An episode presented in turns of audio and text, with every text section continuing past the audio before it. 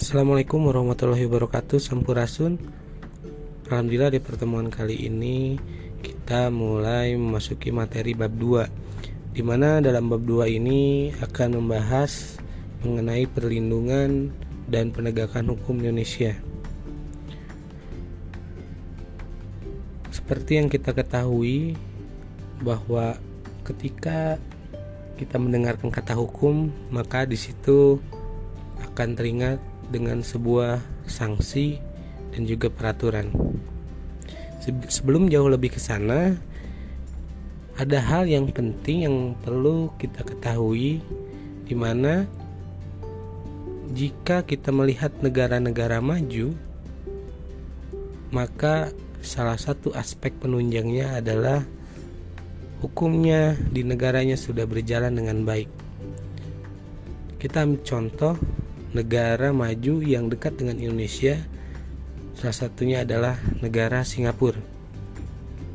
Negara Singapura dengan luas wilayahnya yang sangat kecil dan juga tidak memiliki sumber daya alam di negaranya, tetapi negara tersebut bisa maju.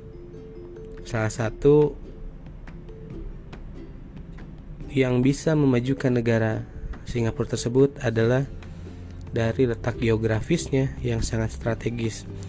Dengan letak geografis yang sangat strategis tersebut, Singapura mampu memanfaatkan kesempatan itu dengan baik. Oleh karena itu, pendapatan terbesar negara tersebut salah satunya adalah dari sektor bidang jasa.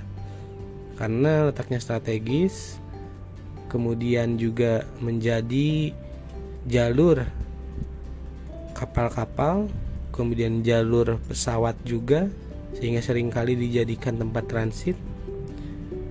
Namun, tentunya negara tersebut mempunyai dan menunjang sekali dalam aspek hukumnya. Kita tahu aturan-aturan negara tersebut sangat ketat, dan juga bagaimana masyarakatnya mentaati hukumnya dengan baik, sehingga laju negara tersebut berjalan dengan baik. Masyarakatnya mentaati hukum, pemerintahnya juga mentaati hukum yang berlaku di sana, sehingga masyarakat dan pemerintah berjalan beriringan. Bukan hal yang tidak mungkin Indonesia pun bisa menjadi negara maju. Maka salah satu aspek yang harus sebenarnya adalah aspek hukum.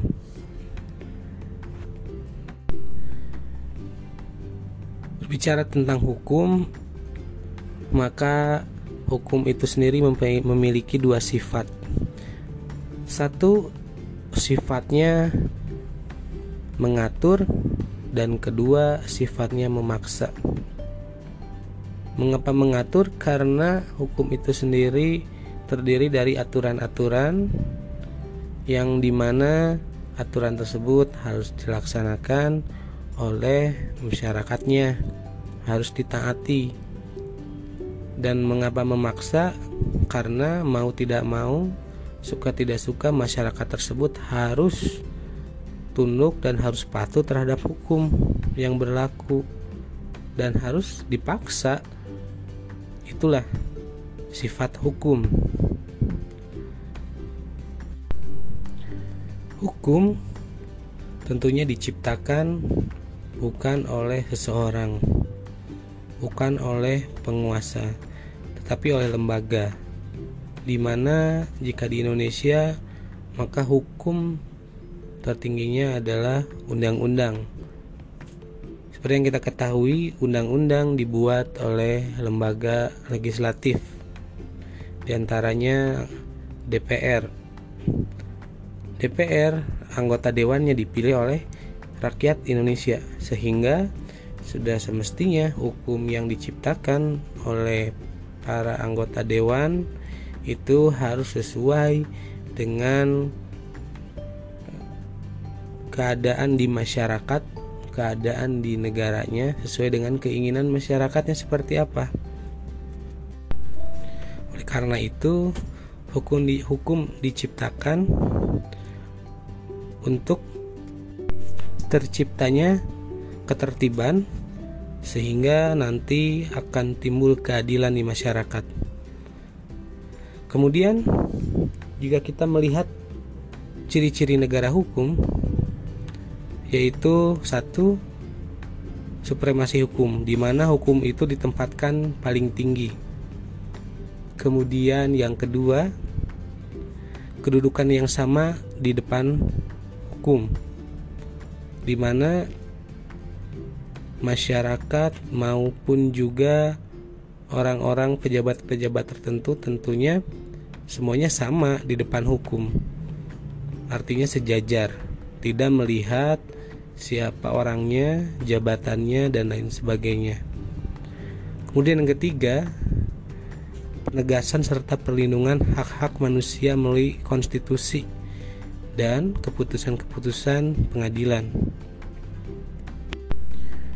Tentunya untuk menunjang hukum itu berjalan dengan baik, dilaksanakan dengan baik, ditaati oleh masyarakat dengan baik, maka di dalam hukum terdapat lembaga-lembaga hukum. Di antaranya ada lembaga kepolisian, kemudian juga ada lembaga KPK yang khusus untuk menangani perkara korupsi. Kemudian ada lembaga kejaksaan. Itu merupakan eh, salah satu atau beberapa lembaga hukum yang di mana tugasnya adalah untuk menegakkan hukum. Nah itu merupakan gambaran umum mengenai perlindungan dan penegakan hukum di Indonesia. Sekarang untuk lebih memahami hukum secara lebih baiknya lagi, maka seperti biasa kalian membuat tugas di mana formatnya tulis tangan seperti biasa terdapat nama kelas kemudian nomor absen dan nama panggilan. Kemudian nanti di akhir penjelasan kalian diberikan tanda tangan. Untuk soal yang pertama yaitu jelaskan proses terbentuknya undang-undang. Kemudian nomor dua Sebutkan dan jelaskan Tiga undang-undang yang menurut kalian harus direvisi atau diperbaiki. Dan nomor tiga sebutkan dan jelaskan peranan lembaga penegak hukum yang ada di Indonesia. Terima kasih atas perhatiannya. Assalamualaikum warahmatullahi wabarakatuh. Sampurasun.